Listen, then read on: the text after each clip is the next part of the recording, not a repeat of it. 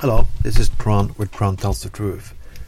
Yet again, I have to talk about the American election. And yet again, I have to talk to you and speak to you, Bernie Sanders supporters. For the last few weeks, since there was clear that Hillary Clinton gonna be the candidate for the Democratic Party, you have been whining, whining, whining, whining like little bitches. I'm so tired of it. I'm so really tired of listening to you. Yes, Hillary Clinton is not the perfect candidate. Not at all. But I'm sorry, people. The alternative candidate is Donald Trump. And you said, yeah, but I won't vote for either of them, so it's not my responsibility. No, it's, it is your responsibility. We can get Donald Trump as president. Do you know what that is? Do you know how it feels? Do you know what what he's gonna do?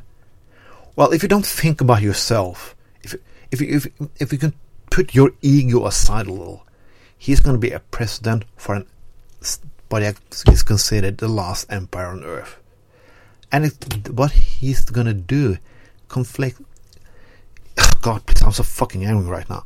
It's gonna affect so many people all over the world.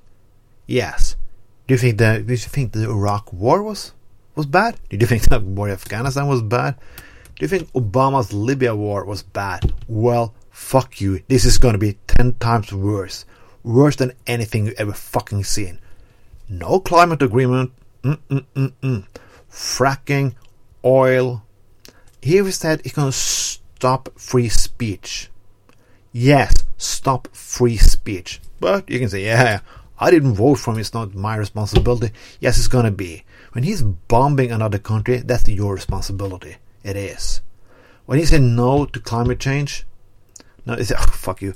When he said no to the climate agreement, yes. Bernie Sanders supporters, that is your that is your responsibility. Well, sometimes you have people. Okay, people like Bernie Sanders said, look to Norway, look to Scandinavia because they have a good model. But do you really think that fight in Norway was done in one big revolution? No, that revolution took years. And you had to compromise a lot, a lot, a lot, a lot, a lot. Yes, the, from the, some of the first laws of social security was taken in 1915, in the 20s, in the 30s. It took time because there are always powers who fight against it. But you now won a lot. You're taking a big step into the future. Don't stop it now. Do compromise because this is what we have to do in politics sometimes. The revolution is not done in a handshake. It's not the one in one turn.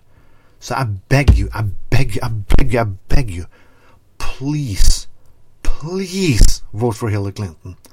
Don't do this to us. Don't do this to yourself. Because if you think you have the shitty now, if you think Wall Street are bad now, oh holy shit, you're gonna get fucked so hard in the ass that you can't sit for the next hundred years. This was Trond, but Trond tells the truth. And if you vote, vote Hillary Clinton. If you don't, go fuck yourself. Bye bye.